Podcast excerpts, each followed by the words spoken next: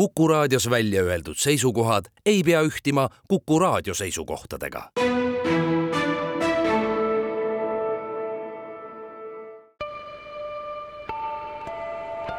ilmaparandaja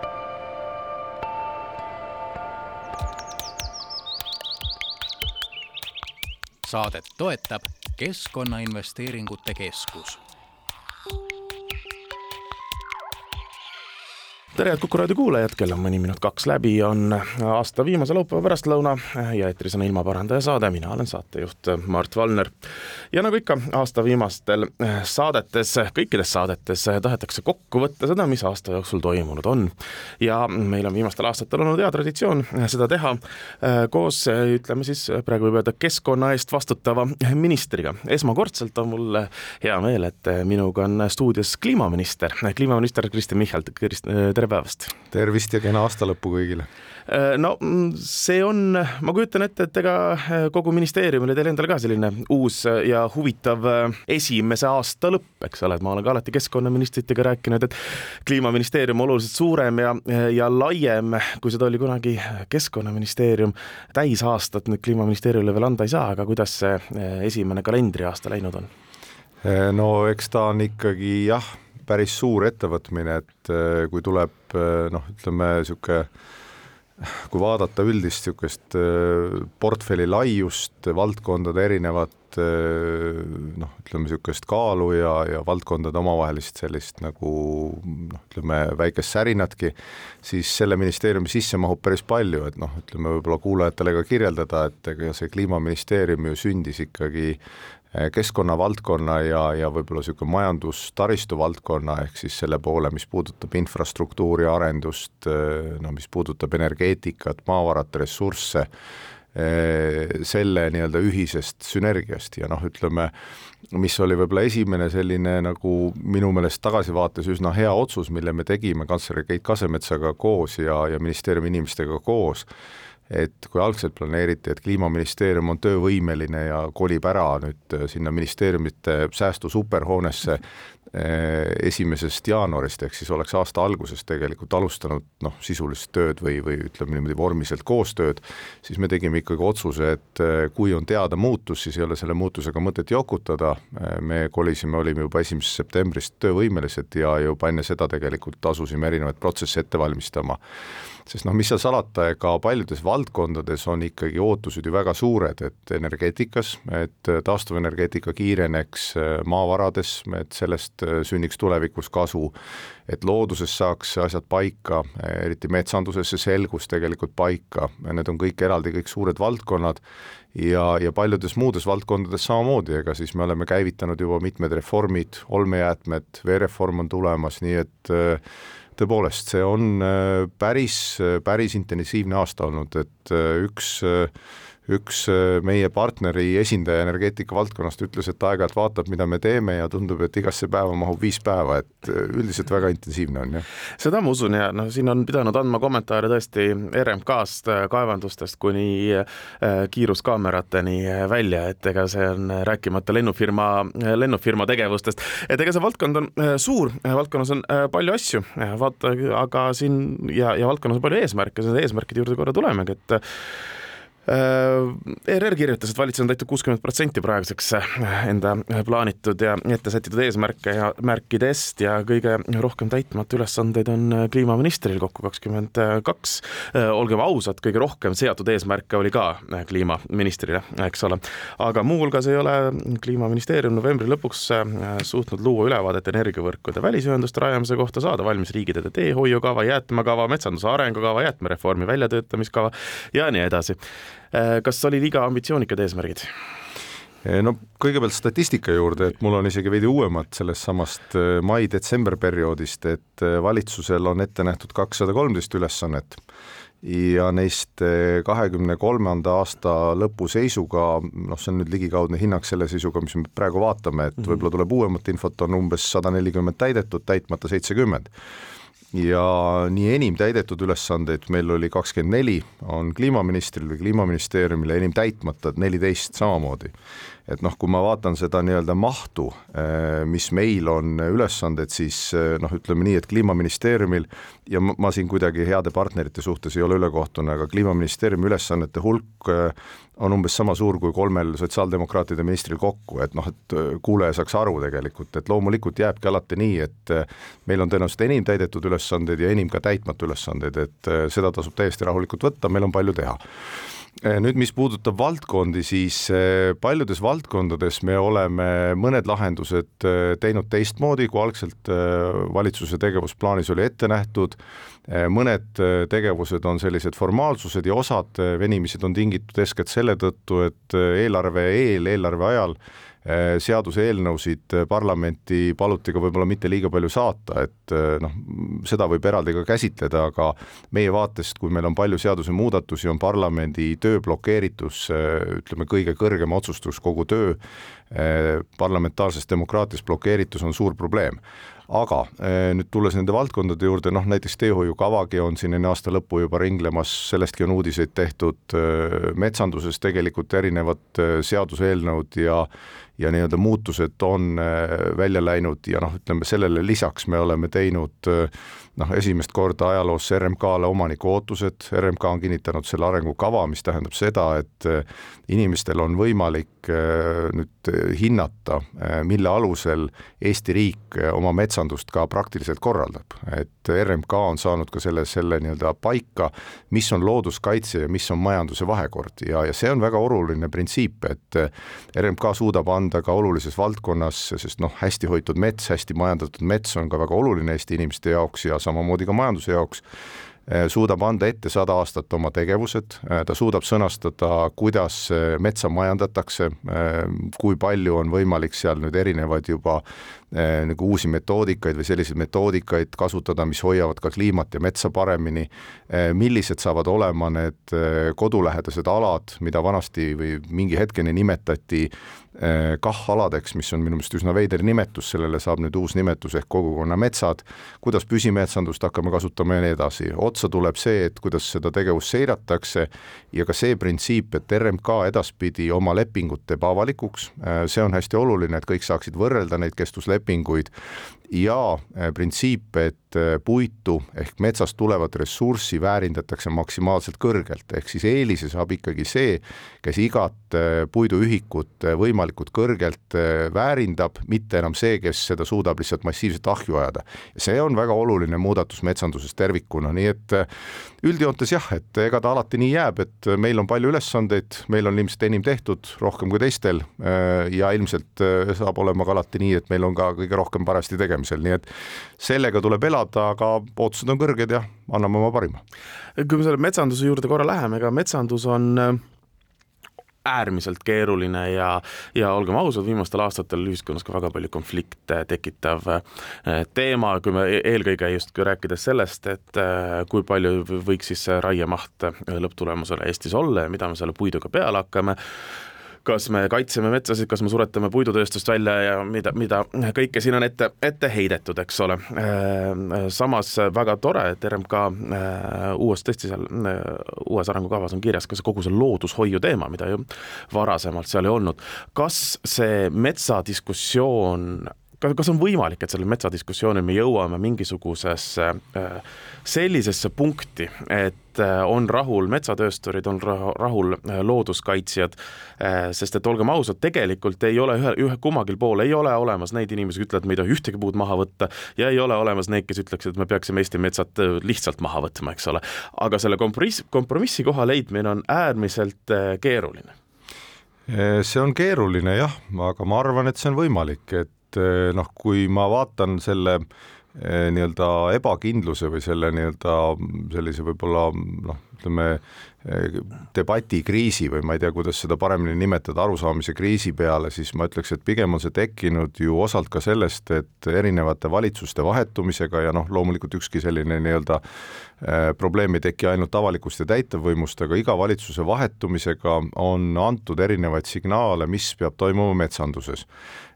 Ja noh, ütleme, milline valdkond saaks siis niimoodi kenasti tunda ennast kindlalt, no ühelt küljelt on ebakindlad looduskaitsjad, kes ütlevad, et nemad ei tea, mis järgmine valitsus ja järgmine minister teeb, ja teisest küljest metsandus, oluline tööstusharu, oluline tööandja, ütleb, et aga meie ju ei tea, kuidas meil on toormega, mida me täpselt teha saame, kuidas me teha saame, millesse tasub investeerida. ja nii tekibki see, kus iga nii-öelda nagu muutuse järel keegi ei saa olla kindel, milline on täpselt see poliitika ja sellisel juhul tekib see moment, et noh, kõik teavad, et iga järgmine päev on uus võitlus ja noh, loomulikult see on kriis, et noh, kujutage ette nüüd äh, elus sellist olukorda, kui te ei tea hommikul tööle tulles, et mis tööd te täpselt teete, kas te palka saate, noh, ühesõnaga väga keeruline lugu ja kas töökohtki alles on. et äh, see tähendab seda, et äh, see, mida meie teha saame ja kuidas me seda juba lahendame, ongi see, et sõnastame riigi poolt selle poliitika pika vaatega. Äh, ja veel kord, RMK suudab oma äh, noh, mis siis on nii-öelda mm, suur hulk tegelikult metsandusturu liider, eks ju, äh, suudab su-, sõnastada oma tegevused ja oma sellised metsas toimuvad tegevused sada aastat ette. see on väga oluline printsiip, esiteks, teiseks anda selle nii-öelda õrnalt raie, langeva raiemahu. Äh, kolmandaks, me suudame vaadata üle selle metoodika, mis on isegi olulisem kui see raiemahu number, kuidas meie metsad, kuidas meie loodus seob süsinikku, äh, milline see saab olema, neljandaks tegelikult anda need printsiibid, mille alusel neid metsi majandatakse, äh, noh, kuidas on seda võimalikult kliimasõbralikul ja arukal viisil võimalik teha, milline on siis kaitsealade metsade, majandatavate metsade vahekord, nii edasi ja, ja sinna otsa tegelikult needsamad printsiibid, mida ma ka mainisin, et eh, lepingud, mida tehakse sellel turul, on avalikud ja soodustavad just seda kõrgemat väärindamist. ja noh, see tegelikult mulle tundub, on nagu see ühisuse ka, mis on looduskaitsel ja ja, ja tegelikult ka metsandusel tervikuna, et eh, kui sa tead, et see on oluline vara, milles mulle tundub, mõlemad pooled on ühi, ühes, ühel nõul, see on oluline vara, see on hästi hoitud ja see on maksimaalselt väärtuslikult kasutatud, siis see on juba väga hea baas leppida kokku, et mis see nagu parim praktika selleks siis on. ja mulle tundub, et eh, kui me suudame anda ise nagu selle rahu sellesse sektorisse, öelda, et noh, vaadake sõbrad, et selles eesmärgis me oleme ühiselt koos, siis tekibki see moment, et okei okay,, nüüd me hakkame koos vaatama, meil on digitaalne digitaalne andmestik, kontrollime seda, võrdleme, tahate, vaidleme selle üle, debateerime, aga me jõuame koos mingite lahendusteni. Ja mulle tundub noh, nagu saatejuht ka mainis, et seesama RMK kinnitatud arengukava ja RMK nii-öelda poliitika muutus äh, on äh, kindlalt üks äh, väga hea vai selleski valdkonnas, mille ümber nagu kõik saab tiirelda, et on selge, milline see vahekord on, mis on kellegi ülesanded, kuidas seda poliitikat aetakse, nii et ma arvan, me liigume selle nii-öelda rahu suunas selles valdkonnas, aga nagu elu näitab, küll tekivad uued mured. ilmaparandaja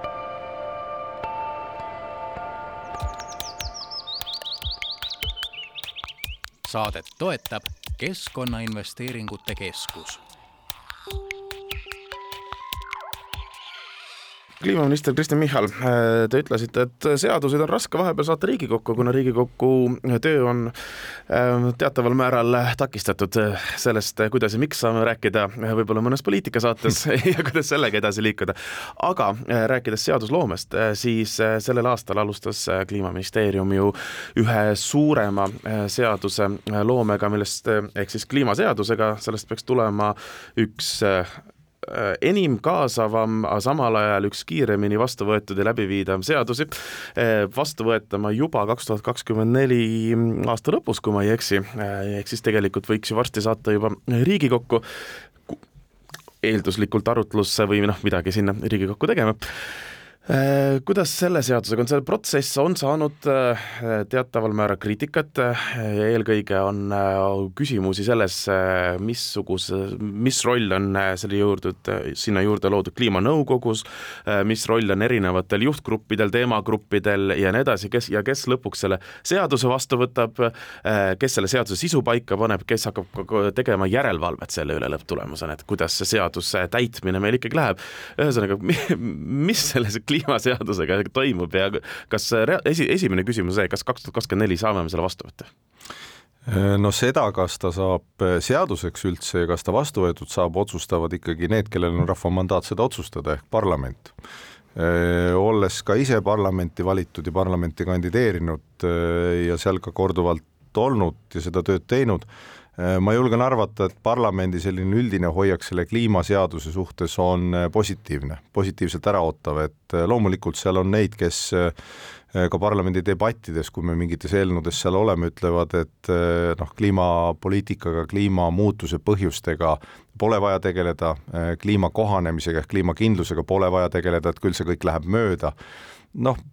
ta ikkagi mööda ei lähe, eks ju, see on nagu selge, et äh, kuumalained kahjuks on sagedasemad, planeedi temperatuur on tõusnud, isegi kui meil on veel hästi, ühel hetkel sajab rohkem vihma, kanalisatsioonisüsteemid ei vii seda enam ära sellisel viisil, me avastame, et veel oigud tekivad, nii edasi, et see linnade planeerimine peab muutuma, et sul on võimalik seda ära immutada ja nii edasi, aga noh, see on nagu niisugune suurem vaade.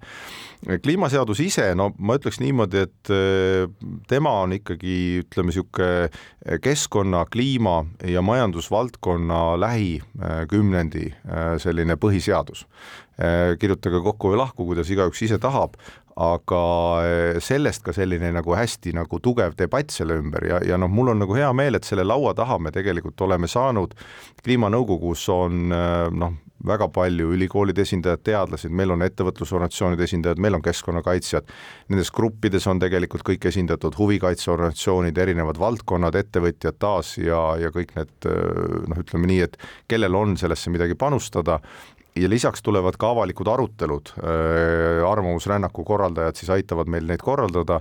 tulevad avalikud arutelud üle Eesti. Äh, jah, see tempo on veidi kiirem, kui mina oleks võib-olla algselt ootanud, aga noh, koalitsioonil üldiselt oli ka see hoiak, et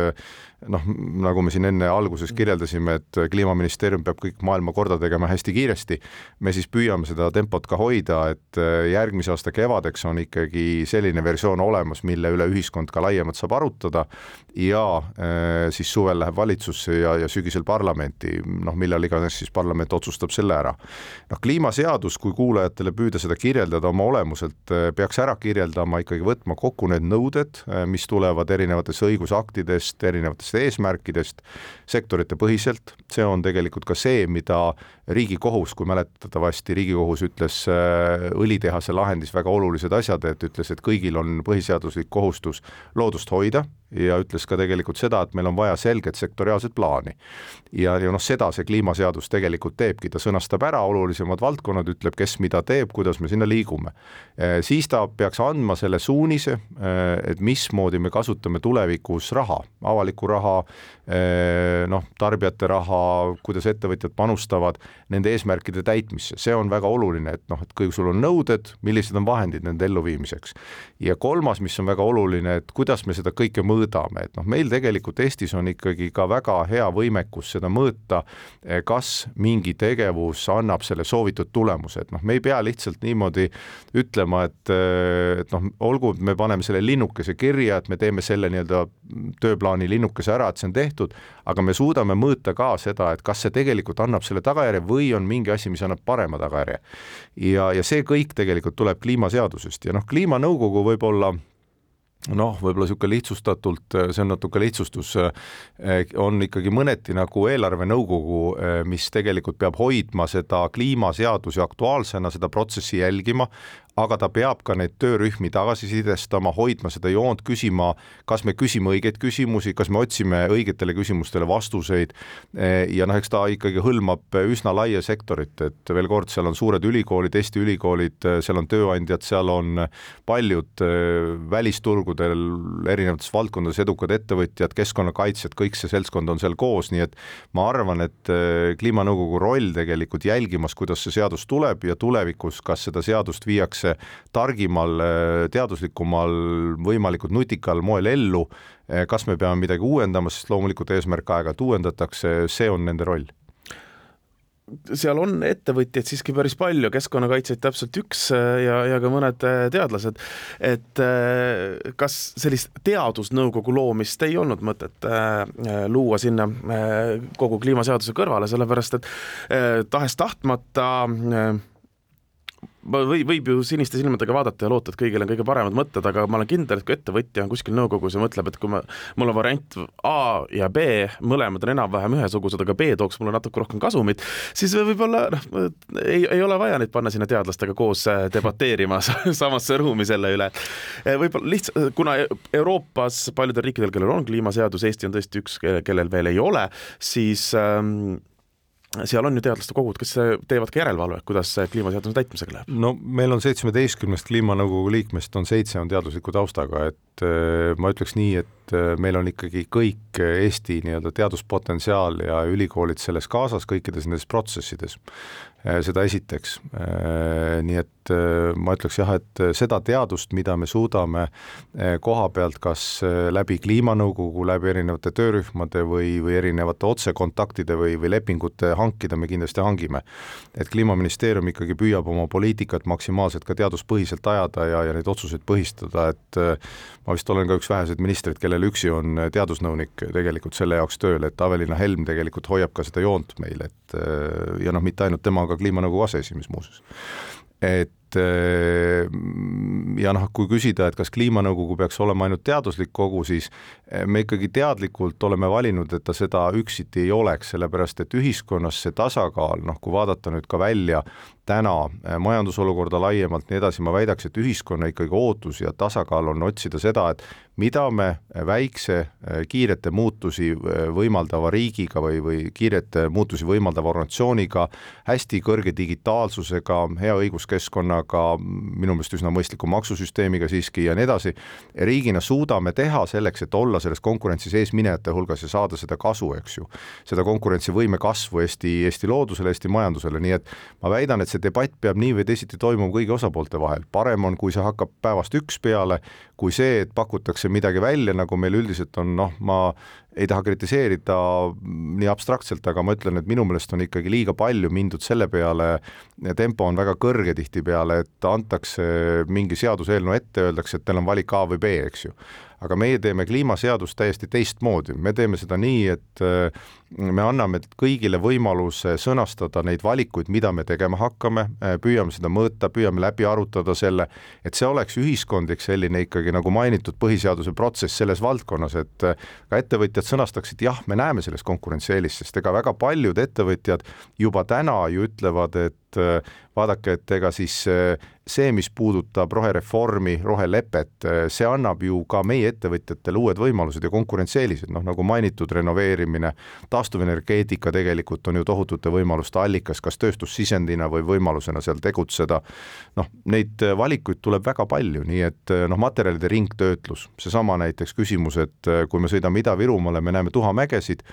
aga on ettevõtjad, kes näevad selles juba võimalust sealt mineraale välja võtta, et, et jäätmetest saab ühel hetkel ressurss, plastikut on võimalik ringi töödelda. et see tegelikult on järgmise tsükli majanduskasvu üks tükk ja, ja noh, ma arvan, et parem, kui ettevõtjad on selles ringis sees ja ütlevad, et vaadake, et me näeme sellest tulevikku, me võtame sellest osa ja me võtame seda kanda ja me panustame sinna. kui seda, et noh, pakutakse välja mingi plaan, kus nad ei tunne ennast ka ära, nii et seetõttu ma arvan, et see nii-öelda Eesti valik ja, ja meie valik seda kliimaseadust sellisel viisil startida on Eesti ühiskonna sellist nagu koosmeelt ja, ja koostööd arvestades parim võimalik no loodame, et ta läheb ka siis parimalt võimalikult, äh, parimat võimalikku moodi. Ida-Virumaale korraks äh, juba äh, see mõte läks, üks suuremaid viimase paari kuu teemasid seoses Ida-Virumaaga on ikkagi põlevkiviõlitehas. nii, teil oli võimalik öelda ministrina, et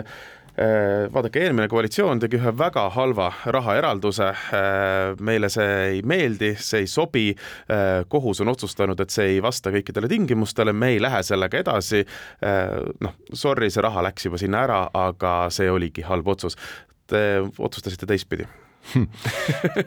No tegelikult on see otsus sellisel kujul olnud ju läbi mitme valitsuse, et noh, jah, tõepoolest pole ju saladus, et et äh, meiega oleme olnud kriitilised varasema selle otsuse absoluutselt, Reformierakonna poliitikud olid väga kriitilised selle esialgse otsuse see vastab kohta. tõele ja noh, tegelikult ka eelmises Kaja Kallase valitsuses oli see debatt ja tollal tehti otsus, et äh, varasemaid otsuseid ringi tegema ei hakata. Selles valitsuses oli sama kokkulepe ja noh, täna on niimoodi, et ma arvan, et see lahendus, mis nüüd saadi, on noh, parim võimalik halvas olukorras on nii, et see õlitehas,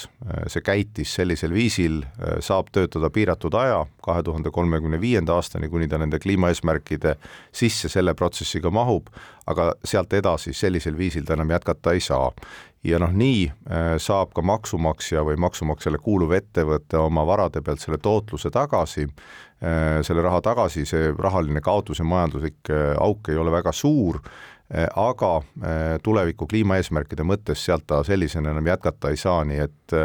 ma arvan, et siit sündis ka üks selline nagu positiivne moment, et keskkonnaload saavad edaspidi olla tähtajalised, noh, eelnõu vist on veel ütleme nii, et parlamendis just vastu võetud aga ütleme nii, et eh, noh, tuleviku vaatest see otsus oleks võinud juba ammu olla, et keskkonnaload ongi tähtajalised, et kui keegi ütleb, et ta muudab mingit eh, protsessi eh, mingi aja jooksul, siis kui see luba on tähtajatu, siis ta võib seda muuta, aga võib ka mitte. aga nüüd tegelikult, kui öeldakse, et see luba on tähtajaline, siis vastus on lihtne, et kui sa ei muuda uut luba, sa ei saa, eks ju, et nii et ma arvan, et me tegime sellise otsuse, mis on Äh, noh, ütleme nii, äh, parim võimalik halvas olukorras, et ega seal ei olnud valikut heade ja ja, ja veel paremate valikute vahel, vaid tegelikult oli viletsate ja veel viletsamate valikute vahel mm. -hmm. no kuigi tehase käitlemisluba veel, eks see tuleb Keskkonnaametist alles. see on Keskkonnaameti otsustada, valdav osa lubadest, kaheksakümmend viis protsenti nad annavad keskkonnakomplekslubasid alla kuue kuu menetlusega, ülejäänud on veidi kauem läinud, aga noh, veel kord, nemad on sõltumatud selle loa andmisel, nad hindavad seda, aga täna jah, ütleme nii, et et tehas saab oma ehitust jätkata, saab minna edasi, aga noh, mulle tundub ka nii, et Eesti Energia tänane juhtkond, kellega me oleme sellel teemal mitmest, mitu korda vestelnud ja, ja ka koostööd teeme, et äh, on aru saanud, et need varasemad otsused, mis võib-olla lähtusid tollastest teadmistest ja printsiipidest, ikkagi äh, enam edasi ei vii sellisel kujul, et järgmised investeeringud, järgmised valikud peavad ikkagi olema oluliselt väiksema keskkonna jalajäljega, kui nad tahavad olla konkurentsivõimelised, sest lõppkokkuvõttes ega siis äh, noh, ütleme, et korraks minnes nagu kõrvale, aga ütleme, et isegi kui me ei teeks midagi siin Eestis, siis me kaotaksime ülikiiresti konkurentsivõimet, sest finantsturgudel on hästi lihtne printsiip juba Äh, üle maailma. Äh, raha andmisel, laenamisel, kaupade ostmisel, äh, ka näiteks Skandinaavia turgudel küsitakse, et aga, aga mis selle toote jätkusuutlikkus on, kuidas see on toodetud, millest see on toodetud, mis on komponendid, kes toodab, kuidas toodab, mis see protsess on, mis on energia ja nii edasi. et äh, ei finantsi poole pealt ega turgude poole pealt äh, ei ole enam äh, sellisel noh, väga tossaval, väga saastaval kraamil tegelikult turgu. Ja, ja isegi kui seda turgu veel on, see turg tõmbab koomale, et noh, ütleme kuulajale hästi lihtsaks tehes, ega siis need hinnad, mis energiaturul väga kõrged on, need hetked, kus me oleme ise nagu pahased, et pagan, see hind on nii kõrge, et ootame pesu pesemisega nüüd järgmise päevani, eks ju. Eh, need on ikkagi fossiilsetest kütustest, et ega siis eh, kui tekib turul mingisugune mäng ja noh, meenutame kahekümne teisel aastal ju Venemaa eh, mängis tegelikult energiasõjaga, mängis teiste riikidega, kõigutas seda turgu, et sellel hetkel, kui hinnad üles käisid, olidki fossiilsete kütuste turule tulek, nii et mida rohkem on taastuvat, mida vähem on sellist tossavat ja noh, sellesama õlitehase nii-öelda raames ka, et ega kui nad tahavad ikkagi tulevikuprotsessiga edasi minna, noh siis tuleb liikuda ikkagi keskkonnasäästlikuma, tegelikult keemia nii-öelda nii-öelda suunas, mitte, mitte enam loota, et vanad protsessid tegelikult noh, annavad veel võimaluse turule minna. nii et eh, see turg on sulguv, mitte meie ei pane seda kinni, vaid eh, tegelikult maailmas ei ole sellel enam turgu, nii et eh, seetõttu jah, see lahendus, mis me tegime, aitab hoida Ida-Virumaal tööhõivet, see aitab tegelikult Eesti Energiale, maksumaksjal saada tagasi sinna investeeritud raha koos väikse tootlusega, aga järgmised valikud ja järgmised investeeringud peavad olema säästlikumad ja targemad. Ilmaparandaja.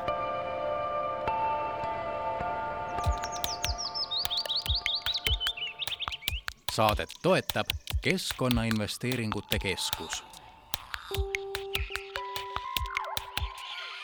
ilmaparandaja jätkab, mina saatejuht Mart Valner ja minuga koos kliimaminister Kristen Michal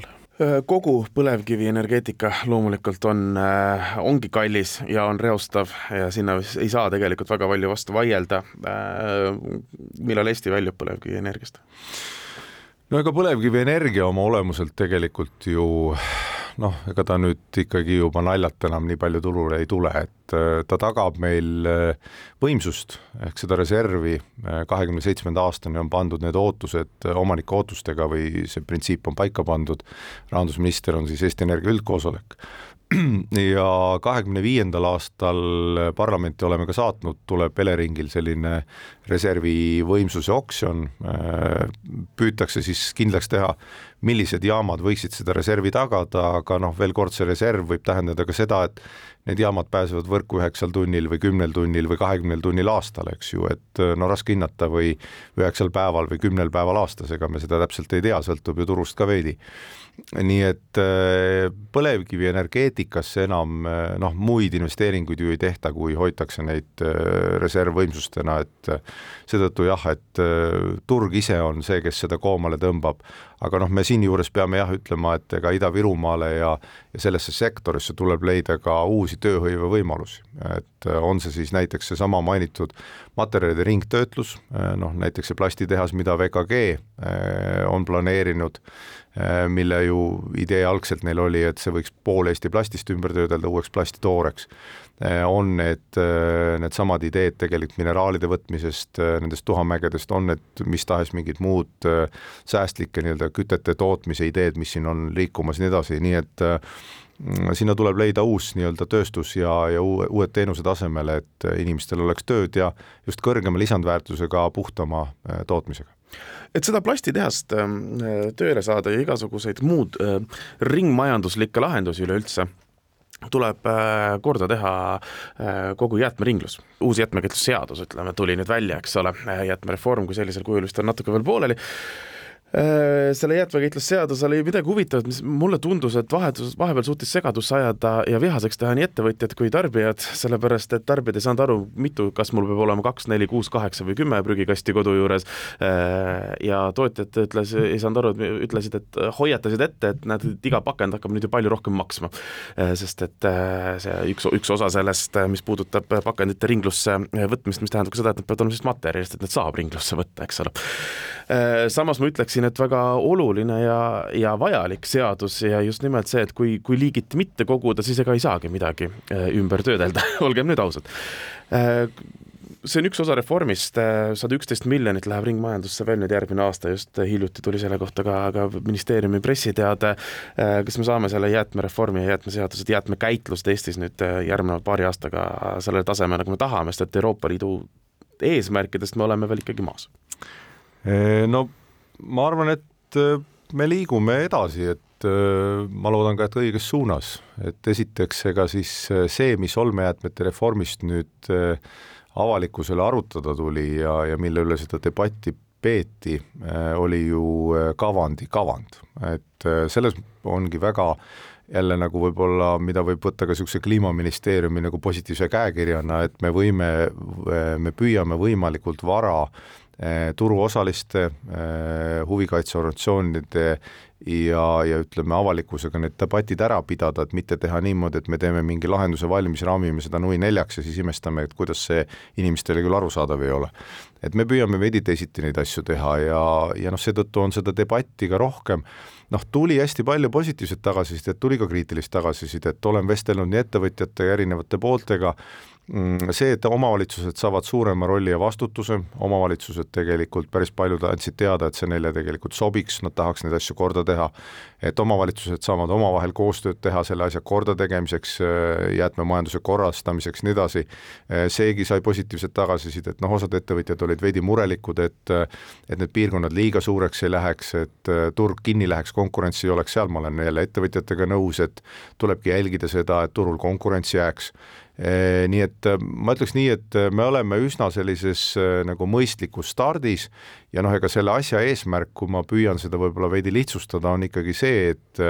kui vaadata seda jäätmehierarhiat, siis kõige olulisem selle juures on ju see, et jäätmed, jäätmete teket välditaks, ehk siis me käituks oma ressursside ja materjalidega arukalt. seejärel on ringmajandus ehk see ringi töötlemine, millest me oleme rääkinud, seejärel on põletamine ja ladestamine. Aga Eestis on see, nagu Kai Realo ühes artiklis ka kirjutas siin mõned kuud tagasi või veidi rohkem, on vastupidi, see püramiid kuidagi, et on, et ladestamine ja, ja põletamine on see põhiline, tühja sellest, et seda võiks ringi töödelda või rääkimata vältida, eks ju, et meil on noh, ütleme mitte sellepärast, et Euroopa midagi tahab, aga, aga noh, nii-öelda oma majapidamise korras hoidmisekski on vaja teatud sammud astuda ja, ja noh, mis puudutab eh, kogu selle valdkonna lahendusi, eh, me oleme hoolega kuulanud nüüd nii omavalitsusi kui ettevõtjaid, eh, me selles kavandis igal juhul teeme mõned muudatused ka just sellest tagasisidest lähtuvalt. Äh, siis teeme uue arutelu äh, ja vaatame, kuidas see tagasiside tuleb, nii et äh, mulle tundub vähemalt, et ühisosa selles on kogu nii-öelda turu ja avalikkuse jaoks olemas, et eks see nii-öelda olmejäätmete ja jäätmete valdkond ja et jäätmetest tulevikus saaks ressurss, on olemas. Ja, ja noh, see see nii-öelda debatt, mis siin olnud varasemate valitsuste ajal, mitu prügikasti, kus ja kes mida tegema peab, et no me püüame ikkagi läheneda sellele just sellisel viisil, et seal on ka teatavat majanduslikku mõistlikkust, et tihedamates piirkondades toimetame võib-olla intensiivsemalt, hõredamalt asustamates veidi lihtsamalt, nii edasi, aga et asjad saaksid korralikult tehtud. Aga igasuguseid kavasid on siin aasta lõpus veel tehtud, üks nendest äh,, mitte nüüd kavadest, aga suuremaid ja globaalsemaid kavasid äh,, COP kakskümmend kaheksa ehk siis kliimakonverents äh, toimus Araabia Ühendemiraatides äh, naftafirma juhiga, kes ütles, et äh, fossiilkütused tegelikult ju ei soojusta, ei soojenda maailma ja me ei tea üleüldse, miks te siin koos käite, kui nüüd väga utreerida. kui ma võtan ministeeriumist tulnud pressiteateid, siis ma saan lugeda, et see oli väga edukas ja õnnestunud kliimakonverents. kui ma vaatan, mida kirjutavad keskkonnakaitsjad, siis ma saan lugeda, et noh, tegelikult ikkagi täiesti mõttetu ja see lõpptulemus oli natuke liiga pehme. mida kerge, pehmelt öeldes natuke liiga pehme. kuidas teie enda vaade, fossiilkütused kütustest äh, väljumist äh, ei võetud vastu, mida paljud lootsid, et äkki tehakse, samas võib-olla oli see lootus ikkagi äh, liiga, ähm, liiga optimistlik, samas noh, see sõnastus oli, et hakkame vähendama siis fossiilkütuste kasutamist maailmas, eks ole. jah kokkulepe oli see, et aga noh, see ma möönan, on esimest korda ajaloos, et kokkulepe, et kogu maailmas vähendatakse fossiilkütuste tarbimist, sellist kokkulepet ei ole varem olnud. Et eh, ükskõik, kuidas seda siis hinnatakse, ajalugu nagu mõistab kohut selle üle, et kas see oli nii-öelda nagu esimene samm pikas sammude reas eh, või siis veel mitte, aga noh, ütleme nii, et selle sõnumiga, et eh, fossiilkütuste tarbimine ikkagi hakkab alla minema, see on nüüd väga oluline printsiip, seda esiteks, teiseks tuli sealt seesama sõnum, et taastuvenergia tootmisvõimsus äh, kolmekordistub, äh, energiatõhusus kahekordistub kahe tuhande kolmekümnendaks aastaks. see on väga oluline printsiip, äh, investeerimine puhastesse tehnoloogiatesse. ma olin nüüd vahetult nüüd veel enne jõule, oli Brüsselis Keskkonna ja Energeetikanõukogu kaks päeva ja ma ütleks nii, et äh, seal arutasime äh, Euroopa Komisjoniga äh, ja ütleme, teiste Euroopa riikide esindajatega selle COP-i printsiipide üle ja arutasime, et ka teadlaskonnaga, et mis see tagasiside võiks olla, kuidas seda hinnatakse ja noh, ma väidaks, et Euroopa üldine hoiak ikkagi on see, et see COP-i tulemus ja kliima nii-öelda kokkulepete tulemus on parem, kui me ootasime. Et äh, loomulikult ega siis ootusi võib olla igasuguseid, et kõik tulevad kokku ja kõik kohe laheneb, seda mitte, aga see, et ikkagi võeti see printsiip äh, nüüd fossiilide äh, tarbimise vähendamisele ja, ja hakatakse selleks lahendusi otsima, on igal juhul noh, üsna positiivne. Ja, ja noh, enne selle lõppteksti sõlmimist oli ju, siin ringles ka erinevaid tekste, mida me kõik ju avalikkuses ise nägime erinevates listides, mis ei olnud üldse sellised, nii et ma ütleks jah, et äh, üsna selline nagu mõistlik otsus, äh, mõistlikud kokkulepped ja nüüd tuleb neid tegelikult ka praktikas ellu viima hakata, sest ega siis kliimapoliitika ei ole ju tegelikult ainult see sõnumid ja, ja võib-olla loosungid. kliimapoliitika on ikkagi ülimalt äh, praktiline äh, poliitika. küsimus sellest näiteks noh, me oleme siin paar korda käsitlenud seda, aga kui renoveerimine, et noh, milleks seda renoveerimist, Eestis sai see ju peale vaktsineerimist, sai sellise huvitava sildi sundrenoveerimine, noh, noh, kelle jaoks ennast vaktsineerida, ikkagi enda jaoks, oma lähedaste jaoks, eks ju Eh, siis sundrenoveerimine, noh, aga kelle jaoks sa oma kodu korda teed, et kellegi teise jaoks siis või valitsuse jaoks, et te arvate, et valitsuses on siis kliimaministri süda läheb soojaks, kui ta mõtleb, et kuidas vägisi tehakse inimeste kodusid korda. ei ole ikkagi enda jaoks, et sinu kodu emotsionaalne väärtus on alati kõrge, aga ka vara väärtus kasvab, kui see on hästi hoitud, see on korras, see tähendab seda, et sa saad energiat, oma kulusid paremini juhtida. noh, ütleme nii, et ka kliimavaatest laiemalt targalt kasutatud energia annab võrkude Eh, nii-öelda üledimensioneerimise, aladimensioneerimise mõttes annab kokkuhoidu ja mõistlikult toimetamist, noh eriti kui me näeme, et siin on vaja palju raha panna, ja ta annab ka majandusse, eriti keerulisel ajal näiteks ehitusse võimaluse eh, selle renoveerimisega tegeleda, teenistust saada inimestele uut tööd ja tegemist. nii et eh, kokkuvõttes noh, ütleme see kliimapoliitika praktika peab tulema ka sellest, et mis need tegevused nüüd on, taastuvenergia kasv,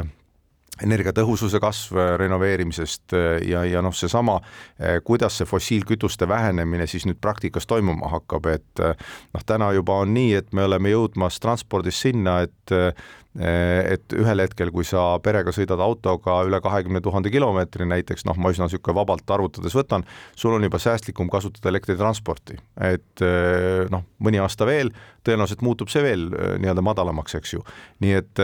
ja noh, kui ma vaatan Eesti inimeste keskmist Eh, nii-öelda auto sõitmist taandades selle tööl käivate inimeste peale, siis tegelikult see keskmine piir on juba väga lähedal seal, et kõik võiksid keskmiselt võtta elektriauto ja, ja hoida veidi selle pealt kokku, nii et ega see trend sinna läheb. Eh, vaatan isegi sotsiaalmeedias, paljud need, kes on, ütleme, väga kriitilised selles suhtes, juba kirjutavad, panevad pilte üles ja ütlevad, et nemadki ostsid elektriauto või hübriidauto, et ega ta selles suunas läheb. ja noh, kõige parem muidugi loomulikult oleks see, kui too oleks toimiv ühistransport, kiired ühendused igale poole mujale, et et sa ei peagi võib-olla seda teist autot peresse soetama, võib-olla saad ka niisama liikuda, et eh, ühistranspordireform, liiklusreform laiemalt, eh, Regionaal-Põllumajandusministeerium sellega tegeleb, on kindlasti üks väga oluline osa sellest kliimapoliitikast. nii et eh, selle kopi juurde tagasi tulles, ma arvan, et nüüd need sellised nagu üsna põhimõttelised nagu hoiakud on võetud need hoiakud peavad jätkuma, kui me tahame siin paremini elada või selles nii-öelda kliimamuutusega kuidagigi hakkama saada ja, ja kliimamuutust ühel hetkel siiski tagasi pöörama hakata, kui see õnnestub, eh, siis selleks on jah, vaja hästi praktilisi samme ja neid praktilisi samme me ju kutsume ellu ja no üks praktiline samm ongi see, et Eesti kaks tuhat kolmkümmend tahab, eks ole, äh, toota sama palju taastuvelektrit, äh, kui me aasta jooksul kulutame. Äh, loomulikult see nõuab salvestust ja kõike muud, see ei ole paralleelselt, me ei, ei, ei ja nii edasi, aga lihtsalt summa summarum oleks ta nullis Eestis ei ole väga palju enam kohti, kuhu tuulikuid panna, äh, kui välja arvata merepargid, kui me võtame erinevad uuringud, kuhu neid lubatakse panna, erinevad analüüsid, äh, siis looduskaitselised ja, ja see NIMBY põhjused ja nii edasi, siis neid kohti ei ole liiga palju enam, kuhu see tuulikuid panna, aga päikesepaneelidega me ära ei kata. No ma siin nüüd aasta lõpus saan võib-olla öelda, et õnneks see ikka päris nii ei ole, et äh, noh, kõigepealt äh, vaadates nüüd meie eesmärke, meie eesmärk jah, on, et aastaks kaks tuhat kolmkümmend summaarsest elektritarbimist sada protsenti tuleb taastuvatest. Äh, ma julgeks hinnata, et me sellel kursil kenasti liigume, et äh, need energeetikaanalüüsid ja eks neid analüüse pidevalt uuendatakse energeetika valdkonnast, Keskkonnaagentuurist, igalt poolt mujalt, näitavad seda, et taastuvenergia kasv juba turu vastu ja nende vähempakkumiste vastu, mida me oleme juba teinud ja tegemas, on väga heas tempos. nüüd needsamad küsimused, kas meil on kohti, kuhu teha. Noh, vaadake, see NIMBY efekt või, või see mitte minu aia taha efekt on veidi muutunud, et eelmises parlamendis majanduskomisjonis olin ise selle seaduse vedaja või menetleja, Anneli Akkermann tegi seal palju tööd sellega, et äh, võtsime vastu sellise reegli, et kui tuleb uus tuulepark, äh, siis maismaal, kui sa elad selle naabruses, on sul võimalik saada selle eest seda tasu, et see tuulepark sinu naabruses on, et noh, nii-öelda noh, ütleme selle äh, talumise või häirimise või kuidas iganes me mm -hmm. seda tahame nimetada, tasu. Ja, ja inimesele see ülempiir on seal kuskil nelja poole tuhande, võib-olla veidi rohkema juures juba, see ei tähenda, et igaüks nii palju saab, aga see tähendab seda, et, et see summa võib olla päris päris suur, päris arvestatav iga-aastaselt. ja teine pool sellest läheb omavalitsusele, mereparkide puhul läheb pool läheb omavalitsusele sellest või kogu raha, vabandust, läheb omavalitsusele, maismaas läheb pool omavalitsusele. et selle jutu mõte on see, et inimesed tegelikult leiavad äh, need erinevad objektid olevat olulisemalt armsamad kui need, mis neile raha ei teeni. nii et uued tuulepargid, nende vastu tuntakse juba päris suurt huvi. ja, ja kui saatejuht mainis päikseparke, siis noh, nüüd see on naljaga pooleks, eks ju, aga päikseparkide kohta öeldakse, et kuna neil seda printsiipi ei ole, et selle talumise eest tasu saaks, siis küll nad peegeldavad eredalt. et kui see talumise tasu oleks, küll nad peegeldaks vähem. ma ei tea, kas see nii on, aga noh, lihtsalt see naljaga pooleks kirjeldab seda, et tegelikult majanduslik huvi nende parkide ja taastuvenergia lahenduste vastu on päris suur Äh, tulemas on erinevaid hübriidlahendusi, tuul, päike koos, äh, arenemas on salvestustehnoloogia. Eestisse tegelikult on ju prantslaste ja eestlaste koostöös tuleb äh, suur salvestusvõimsus, mis aitab seda ühtlustada. nii et tegelikult ma ütleks, et see pilt on oluliselt parem kui see kaart, mida siin üks pool aastat tagasi näidati, üleni punane ja väikeste kollaste täppidega, justkui kuhu ei saaks teha. tegelikult saab päris palju teha ja, ja päris palju on tulemas ka taastuvenergiat, aga noh, me oleme võtnud ka koalitsioonis selle hoiaku, et me üksiti sellega, sellest, sellega ei rahuldu, et sada protsenti täis saame. Eh, meie eesmärk on ikkagi jõuda selleni, et eh, meile tulevad uued tarbijad, uued teenused, uued tootmised siia, kes tarbivad seda puhast energiat ja selle baasilt saavad eksportida, olla nii-öelda majanduses uue lisandväärtuse loojad seal me teeme head koostööd Majandusministeeriumiga, Tiit Riisalo siis peab eh, võib-olla nende tarbijate listi seda pidama, eks ju, nii kui võib-olla veidi lihtsustada ja Välisministeerium ilmselt aitab kaasa, ettevõtjad ka ja, ja noh, siis selle vastu saame teha ka mereparke, et tegelikult vastasel korral ju, kui meil neid tarbijaid ei oleks ja merepargid lihtsalt niisama teeksime ja siis me maksaksime maksumaksjatena lihtsalt seda nii-öelda põranda hinda kinni. aga kui tulevad tarbijad, siis tarbijad tegelikult tasuvad seda ja see hoiab seda püsti. ja äh, seda kõike mainides meil veel ei ole seda suuremat salvestusvõimsuse debatti, see tuleb ka järgmine aasta, ja tuumadebatt, seegi algab järgmine aasta, nii et eh, kuhu panna tuumaenergia, millal see võiks tulla, kas see üldse tuleb, nii edasi. nii et eh, energeetikas on toimumas tohutult palju, aga noh, see on ka selles mõttes hea valdkond, et Eh, kõigil on vähemalt noh, ütleme oma ettekujutus ja traadist mudel selle kohta, mismoodi see peaks välja nägema, nii et me püüame hästi rahulikult seda debatti pidada, meie eesmärk on maksumaksja ressursse võimalikult säästlikult kasutades saada parim võimalik tulemus, et tekiks uut lisandväärtust, tekiks see baas tegelikult uue nii-öelda majanduse uuele järele viimisele see on hea, kogu see tuumadebatt ja kõik muu on ka see, kuhu ma väga tahtsin jõuda, aga ma vaatan, et meil hakkab kahjuks saateaeg otsa saama. me olid äh, rääkimata uuest loodusmajast, äh, kuhu võiks tulla siis äh, Loodusmuuseumi ja muud ühendasutused, kindlasti tuumadebatt ja, ja võib-olla ka veel natuke täpsemalt jäätmetest, aga kõigest sellest me saame kindlasti uuel aastal erinevates saadetes rääkida. Kristjan Michal, head pühade aega, head vana aasta lõppu ja väga ilusat uut edukat uut aastat teile! ja aitäh ja ma soovin ka kõigile ilusat aasta lõppu ja, ja loodame siis, et järgmine aasta tuleb küll mitte vähem hoogne, aga sellest äh, sõbralik ja hea Eestile ja maailmale tervikuna. aitäh! ilmaparandaja